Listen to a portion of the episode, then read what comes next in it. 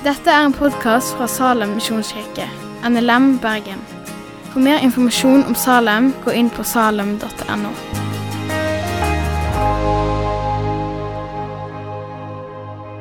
Vi skal ha De to siste lørdagene nå, så skal vi snakke om å være sendt. Målet vårt er jo at folk skal sitte igjen med tanken 'jeg er sendt'. Jeg er sendt. Fordi det er identiteten vår som kristne er at vi er sendt. Det er så fort gjort å tenke at menigheten er sendt, kirka er sendt, organisasjonen vår er sendt. Men faktisk, Bibelen slipper aldri faktumet at du er sendt. Jesus står opp for de døde, og etter det, eller oppstandelsen til Jesus er starten for kristen misjon. Når Jesus står opp og snakker til disiplene etter at han har stått opp, så handler det nesten utelukkende om misjon. Jeg vet ikke om du har tenkt over det, men Hvis du ser Matteus, Markus, Lukas, Johannes slår opp etter oppstandelsen Det Jesus snakker om, det er misjon. Det er liksom, Nå har jeg gjort min greie. Nå er det deres tur. Eh, I Matteus gir han misjonsbefalingen. Det som er fint der, det står at noen tvilte. Og Så går Jesus fram og sier meg er gitt all makt i himmelen og på jord. Gå derfor ut. Noen tvilte. Det var ikke sånn at Jesus sa dere som tvilte, dere må ett år til med meg. Eh, dere andre eh, dere sender ut. Men det, det, misjonsbefalingen var for alle. Om du er en kristen som tenker at min tro er ikke sterk nok Jesus sa til de tvilende disiplene jeg sender dere. Um, han er den som går med oss. Markus der sier Jesus forsyn i hele verden. og Forsyn at det er to veier. Enten at folk tror og blir frelst, eller at de ikke tror og går fortapt. Johannes så sier Jesus som far har sendt meg, så sender jeg dere. Og Da, da inviterer egentlig Jesus til å lese hele evangeliet, til å lese biografien om Jesus. Og så sier han se hvordan jeg har levd. Se hvordan jeg er blitt sendt, hvordan jeg har gått til folk, hvordan jeg har tatt imot syke, hvordan jeg har sett de svake, hvordan jeg har lagt livet mitt ned. Så sier han sånn sendte Gud meg. Men på den måten sender jeg dere. Nå er det dere som er sendt, sier Jesus. Og så gir han dem Den hellige ånd. Lukas, Når Jesus viser seg etter oppstandelsen, så sier han dere skal være vitner om, om min lidelse. Dere skal være vitner om min oppstandelse. Dere skal forkynne omvendelse og tilgivelse for alle folkeslag, og dere skal få kraft. En kristen som tror på Jesu oppstandelse, en kristen som tror at Jesus sto opp, snakka med disiplene, at vi har det i Bibelen vår, at det er en korrekt gjengivelse av det som har skjedd. Kristne som tror på det, og som ikke ser seg sjøl sendt jeg har problemer med å forstå det, for det henger ikke sammen. Fordi Hvis en tror på oppstandelsen, og Jesus viser seg for disiplene, og det han sier i Bibelen er sant, så er du en sendt person. Den som er kristen, er sendt til verden. Ordet kristen ble først brukt om disiplene i Antiokia. og så etterpå, eller Før det så var det disipler. Men disiplene er det Jesus kaller og sier kom, følg meg, dere skal være menneskefiskere. Kristen er lik menneskefisker. Det er synonymer. Vann er vått, kristne er sendt. Det er Bibelens syn på en kristen. Og Lukas skriver om dette i apostelgjerningene 1. og vi skal lese den teksten. Hvis du har lyst til å høre apostelgjerningene 2 og pinseteksten, så anbefaler jeg å komme i morgen når Tor Erling Fagermoen, som er president for lagsbevegelsen i Europa, skal tale om pinsedag. Han har med seg folk fra hele verden omtrent for å vise hva Den hellige ånd gjør i verden i dag. Så anbefaler jeg det i morgen klokka 11. Men vi leser apostelgjerningen 1, vers 6-9. Mens de var sammen, spurte han dem. Herre, spurte de ham. Herre, er tiden nå kommet da du vil gjenreise riket for Israel? Han svarte. Det er ikke gitt dere å kjenne til tider og stunder som far har fastsatt av sin egen makt. Men dere skal få kraft når Den hellige ånd kommer over dere, og dere skal være mine vitner i Jerusalem og hele Judea, i Samaria og helt til jordens ende. Da han hadde sagt dette, ble han løftet opp mens de så på, og en sky tok ham bort for øynene deres. Det første jeg vil stoppe, det, det kommer på rød skrift her. Men dere. Når jeg leser Bibelen, så jeg har ei greie der jeg har bestemt meg for, jeg ikke bestemt meg, men det skjer når jeg leser Bibelen, at når jeg leser 'men', når jeg leser 'for', når jeg leser 'derfor', og når jeg leser 'slik', da stopper jeg opp og så tenker jeg 'hvorfor'. For sånne ord det har veldig ofte evangeliet med seg. Det har veldig ofte sentrale kristne ting. Og spesielt én setning som går igjen. De to ord som kommer igjen ofte i Bibelen når det mest sentrale er temaet, og det er 'men Gud'. men Gud. F.eks. apostelgjerningene 13, 29-30. Der de hadde fullbyrdet alt som er skrevet om han, altså Jesus, tok de han ned av treet og la han i en grav. Men Gud reiste han opp fra de døde. Romerne 5. For knapt nok vil nok noen gå i døden for en rettferdig. Skjønt for en som er god, kunne kanskje noen ta på seg å gå og dø. Men Gud viser sin kjærlighet til oss ved at Kristus døde for oss mens vi ennå var syndere. Romerne 6. For syndens lønn er døden, men Guds nådegave er evig liv i Kristus Jesus vår Herre. 1. Korinterbrev 15. Dødens brodd er synden og syndens kraft er loven. Men Gud være takk som gir oss seier ved vår Herre Jesus Kristus. Efeserne 2. Også dere har han gjort levende, dere som var døde ved deres overtredelser og synder. I disse vandret dere før på denne verdens vis etter høvdingen over luftens makter. Den ånd som nå er virksom i vantroens barn. Også vi vandret alle blant dem i vår skjødslyster, og vi gjorde skjødets og tenkenes vilje. Vi var av naturen vredens barn, like som de andre. Men Gud som er rik på miskunn, har pga. sin store kjærlighet, som han elsket oss med, gjort oss levende med Kristus. Vi som var døde med våre overtredelser. Av nåde er dere frelst. Kolossebrevet 2. Også dere var døde ved deres overtredelser og uomskårne skjød. Men Gud gjorde dere levende sammen med Kristus, idet han tilga oss alle våre overtredelser. Han utslettet skyldbrevet mot oss som var skrevet med bud, det som gikk oss imot. Det tok han bort da han naglet det til korset. Det er dette vi klamrer oss til som kristne. Jeg, jeg er egoistisk. Jeg er sjølgod. Jeg er sjølsentrert. Jeg er mer fokusert på at jeg skal ha det bra, enn på at andre skal få møte Jesus. Jeg gjør ting som overhodet ikke stemmer overens med Bibelen. Jeg makter ikke engang å gjøre gode gjerninger som jeg vil, fordi det bor noe i meg. Men Gud det er derfor jeg er frelst. Det er derfor jeg er kristen. Fordi Gud, Gud grep inn. Før jeg i det hele tatt tenkte på å elske Han, så elsker Han meg. Og kom med sin kjærlighet og døde for min skyld. Men Gud, det er evangeliet i de to ordene. Ja, men jeg er ikke god nok kristen. Men Gud gir det til oss. Og så er det sentrale i det kristne budskapet. Men Gud.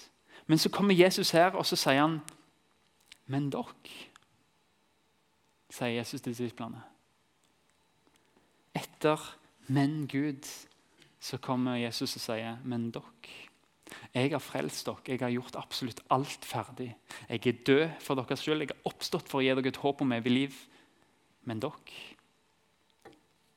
Alt er fullført. Evangeliet er at du er frelst av bare nåde. Det var sånn Gud fant deg. Sånn frelste han deg fullkomment. Men dere vil han bruke til å fortelle om andre om det. Han vil at du skal gå og vise andre som, har, som sliter med selvbilde, som sliter med skam og dårlig samvittighet. Han vil at du skal gå og si 'Men Gud' til dem. Jeg er så ensom. Ja, men Gud har et fellesskap for deg. Ja, men jeg er så syk, jeg er så svak. Ja, men Gud har kraften. Ja, men jeg tviler. Ja, men Gud sender deg.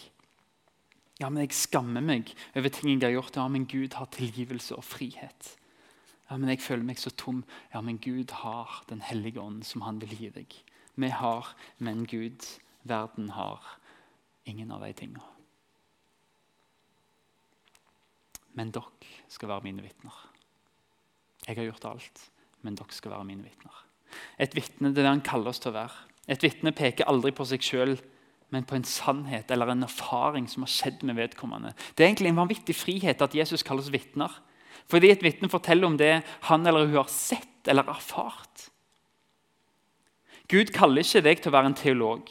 Gud kaller ikke deg til å være en filosof eller til å være en antropolog.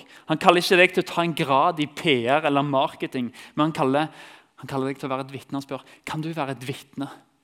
Kan du fortelle andre om hva jeg har gjort i ditt liv? Da slipper du faktisk å forsvare deg, men du kan bare si dette gjorde Jesus. Det er dette jeg har erfart. Det skjedde med meg.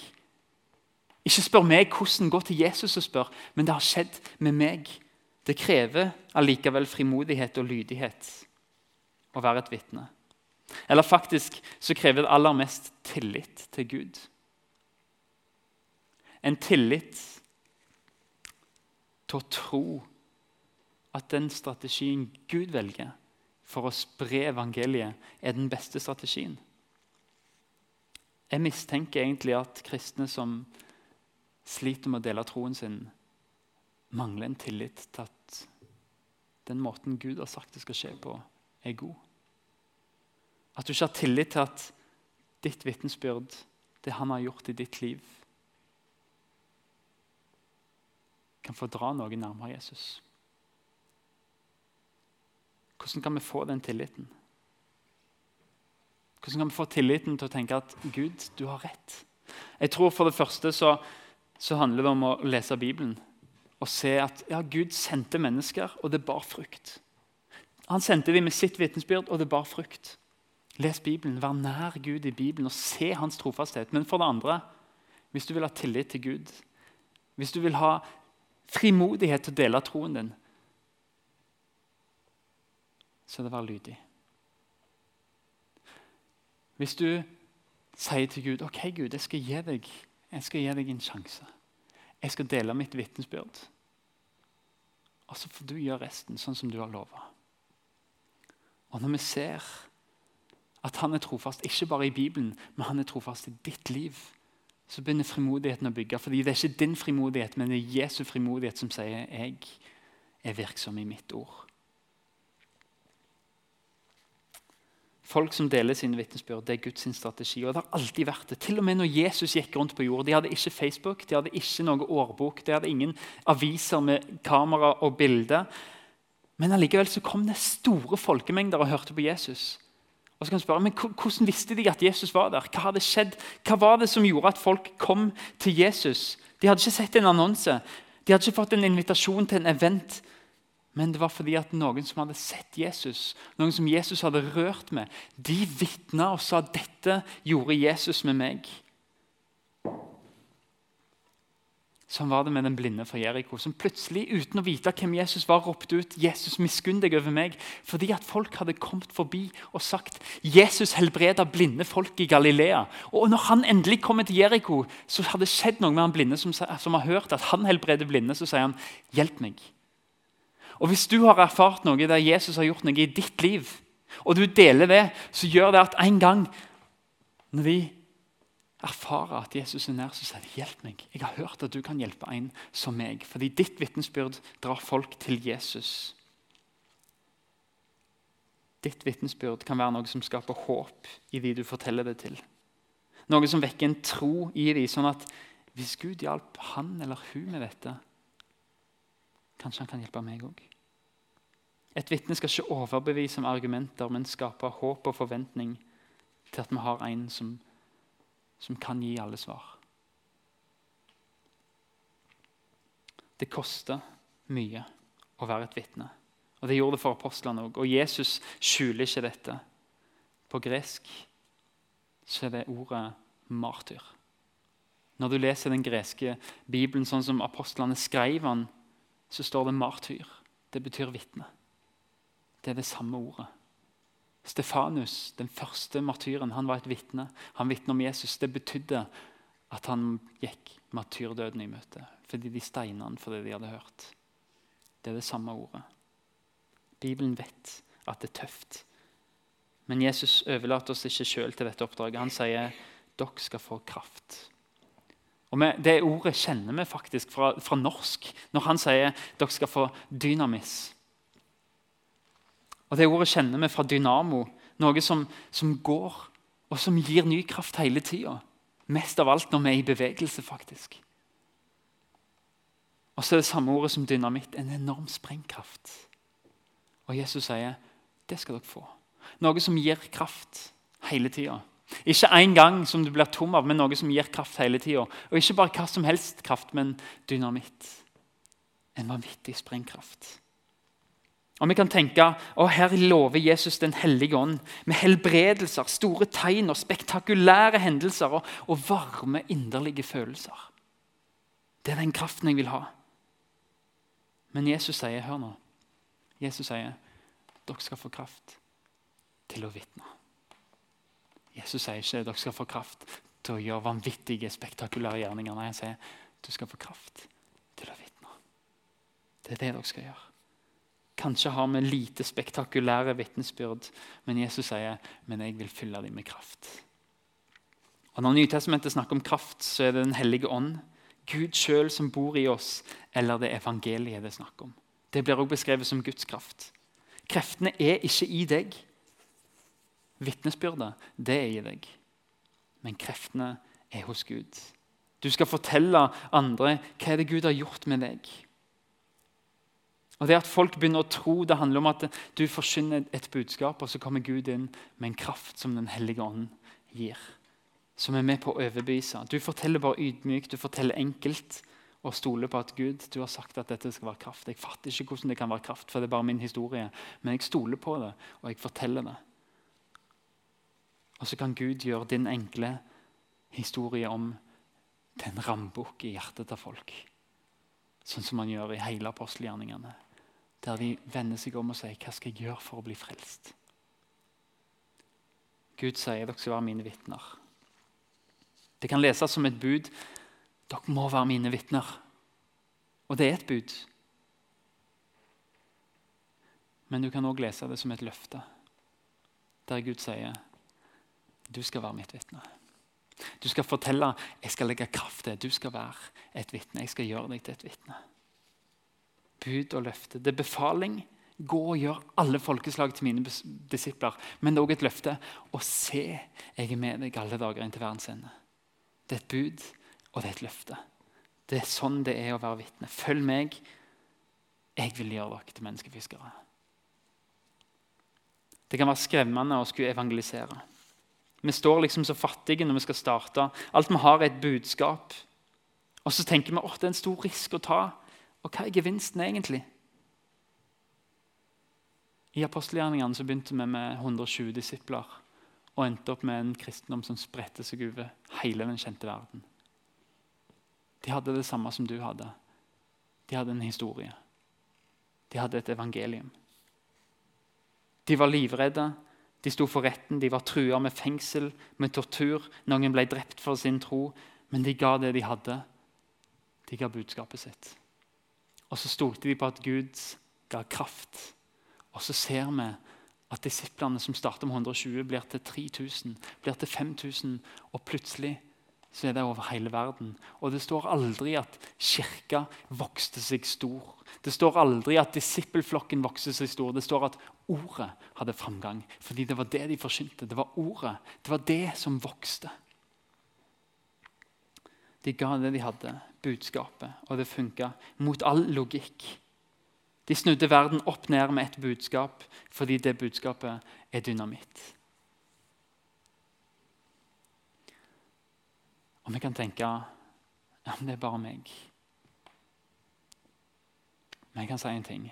Hvis du deler ditt ord, hvis du deler evangeliet, hvis du deler det Jesus har gjort med deg, og peker på Jesus som frelser for hele verden, hvis du deler evangeliet, og hvis du deler Guds ord, så er det ingenting som kan stoppe deg. Det var det en, en fariseer som sa til de skriftlærde i Jerusalem. Når de sto og skulle piske Peter og Johannes, så sa de pass på sånn at dere ikke jobber mot Gud. Hvis dette er fra Gud, så er det ingen som kan stoppe det sånn. Ok, Så slapp de de løs. Og så ser vi gjennom hele apostelgjerningene at det er ingenting som kan stoppe det. Det er akkurat som Lukas sier dette er av Gud. Han hadde rett Gamaliel som sa hvis det er av Gud, så kan ingen stoppe det. For ingen hadde makt til å stoppe evangeliet. Ikke drap, ikke tortur, ikke fengsel. Jesus, Gud sier, 'Jeg vil våke over mitt ord og sette det i verk'. Han sier ikke at han, han skal spre det, for det skal du gjøre. Men han sier, 'Jeg vil våke over det'. Jeg skal sette det i verk. Du kan ikke ta et ord og plante det i et hjerte og si 'voks'. Du kan dele det, det kan legge seg i hjertet, men det er Gud som sier 'voks' hvis det er etter hans vilje. Jeg skammer meg ikke over evangeliet, fordi det er Guds kraft til frelse for hver den som tror. Hvis du våger å dele ditt vitnesbyrd på en måte som peker på Jesus, så er det mer kraft i de ordene enn du noen gang kommer til å forstå. Du kan holde en utrolig viktig tale på Stortinget om 30 år når du blir politiker, men hvis du deler ordet i dag, så kommer du aldri til å holde en tale med større kraft enn det. Fordi det er Guds kraft. Han som gir hesten styrke. Han som baner vei for styrtregnet. Han som setter ei grense for havet. Han som skapte universet med ord. De ordene har oppdraget å frelse. Ditt oppdrag er å dele. Helt til slutt, eller helt til slutt, mot slutten. Hvordan kan vi gjøre dette i Salem i Bergen i 2019? Neste uke skal Gjermund snakke om hvordan vi kan ha mot i evangelisering. Hvordan det kan se ut i 2019. Vi er sendt sånn som Jesus sa jeg i begynnelsen. Han sier sånn Gud får sendt meg, så sender jeg dere. Han levde nær syndere. Han var ikke redd for å sitte til bords med syndere. Han var venn med dem, står det faktisk. Han elska dem, han spiste med dem. Han så at disse er skapt i Guds bilde og ga dem verdi med å være sammen med dem. Se mennesker på samme måten. Øv deg på å tenke at dette mennesket er skapt i Guds bilde. Dette mennesket har en uendelig verdi. Gud elsker dette mennesket. Det er ingen grunn til at jeg ikke skal være nær dette mennesket. Ikke kom som en religiøs person, men kom som Jesus. Som en sjenerøs, som en gjestfri og elskende person. Skap et rykte som skaper samtale. Lev din menneskelighet sånn som Jesus gjorde. Vær nær. Så kommer det opp et, et bilde nå. For fordi vi, eh, jeg skal legge ned noen kort der nede som ser sånn ut. Det er et, med apostlenes gjerninger på. Og vitne, Hvis du slår på neste, Daniel, så ser du at eh, vitnet står for noe. Det kan du lese på det kortet. Eh, der du kan være i ordet der du kan være i bønn, du kan tjene mennesker, du kan være nær mennesker og dele evangeliet. Og så går det an å skrive navn på noen som du ønsker å be for. Kanskje i sommer. Og Kanskje kan du tenke at jeg ønsker å be for disse folka her fram til Salem starter alfakurs i høst. Og så vil jeg invitere dem. I tro på at Gud har virka gjennom min bønn. Og i tro på at vi kan dele evangeliet på alfa. Ta med deg et sånt, sånt kort. Og Tenk det med å være nær mennesker. Inviter dem hjem, by på en kopp kaffe. Barna Group og Alfa International, som forsker mye på kristendom, de har forska hva er den beste jorda å dele evangeliet i. Hva er den beste konteksten å dele evangeliet i. Og De har kommet fram til at evangelisering er aller mest fruktbart når den er relasjonell, oppmerksom og ydmyk. Når du nærmer deg mennesker og ikke kommer med noen fasit, men deler det du har, og spør hva tenker du om dette. Og får en samtale som er sjenerøs. Gjestfrihet og sjenerøsitet sier de, gjør evangelisering mye, mye, mye mer effektiv. Invitere folk hjem og si 'velkommen her til meg'. En måte vi gjør det på, å være sjenerøs og gjestfri i Salem, det er å ha alfa. Da inviterer vi ikke-kristne, vi inviterer skeptikere, vi inviterer nye kristne eller gamle kristne som ønsker å ha fokus på det. Vi inviterer dem til kvelds. Og så er det Spis vi sammen. Det koster ingenting fordi vi ønsker å være sjenerøse og gjestfrie. Vi har en intro til tema, og så er det samtale i grupper. Det er alltid lov. Det er ingenting som er rett, ingenting som er galt, ingen som korrigerer deg. Du får lov til å mene akkurat det du vil, og lederen er utrolig interessert i å høre hvordan tenker du om dette, og hvorfor tenker du det, uten å korrigere. Og det blir ingen regninger selv om du spiser tolv måltider i løpet av et semester.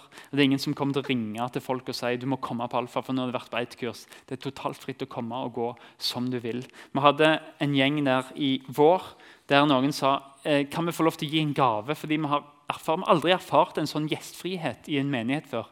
Kan vi få lov til å gi en gave? For hun sa alfa skal ikke koste noe. Dere skal bare komme og være her. Og det gjør noe med mennesker. Vi hadde 19 evalueringsskjema i vår for de deltakerne som var med på alfakurs i vår. Og De delte mye forskjellig, men det vi har sett er at på alfakurset i vår så har vi hatt kristne som har slitt med tvil, men som har funnet en ny frimodighet og sett at det er plass til meg, selv om jeg tviler. Vi har mange, nye, vi har mange kristne som sier at for første gangen så har jeg venner i Salem. Og kjenner at jeg kommer hjem når jeg er i Salem, fordi jeg har blitt kjent med folk i smågrupper. Vi har ei som har døpt seg i løpet av perioden i Alfa. Hun døpte seg i en annen menighet som hun går i nå. Og Hun sier det sjøl. Jeg er helt nyforelska i Jesus.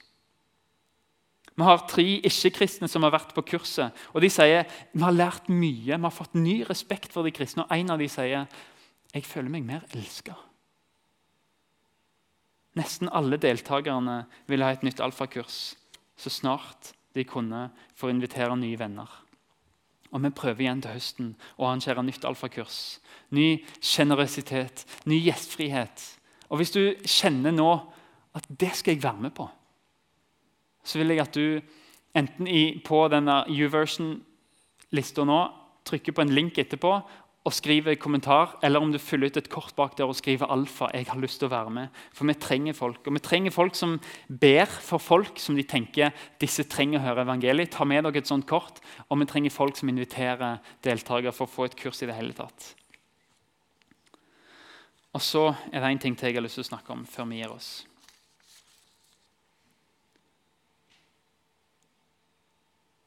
Jeg tror når det kommer til å være vitnesbyrd og dele, så tror jeg det å være et kristent fellesskap i et nærmiljø som inviterer, som deler, som gjør godhet, som, som er nesten Jesus inkarnert i nærmiljøet, det har en vanvittig effekt. Det har en kraft.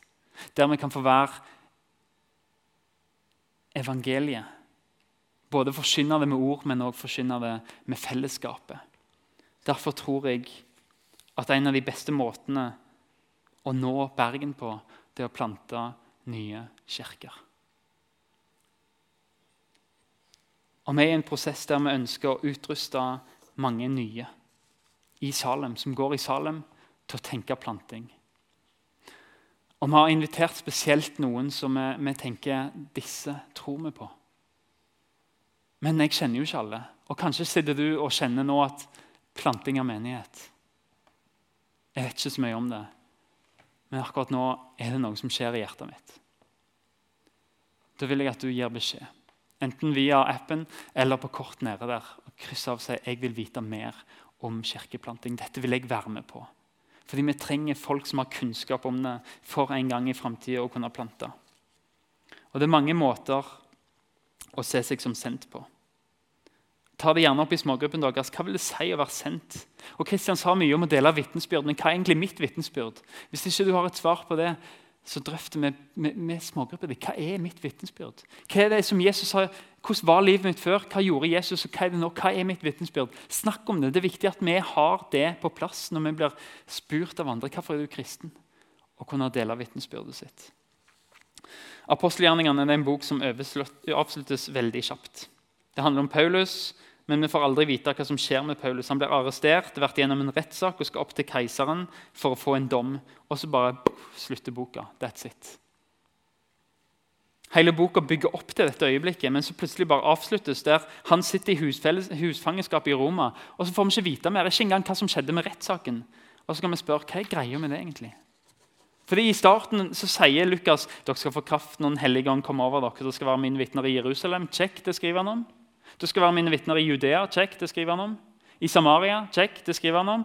Og helt til jordens ende. Men ah, vi kommer bare til Roma, og vi får ikke vite hva som skjer med Paulus. Likevel så stopper vi i Roma. Selv om han sier verdens ende i starten. Som i disposisjonen så sier han verdens ende. Hva er greia? Det er Lukas sin måte å invitere deg inn i historien på. Historiens Lukas sier det er aldri meninga at historien skulle bli ferdig med meg og Paulus. Han sier til leseren historien fortsetter med deg. Du er sendt. Når Jesus sa 'du skal få kraft', så er det deg.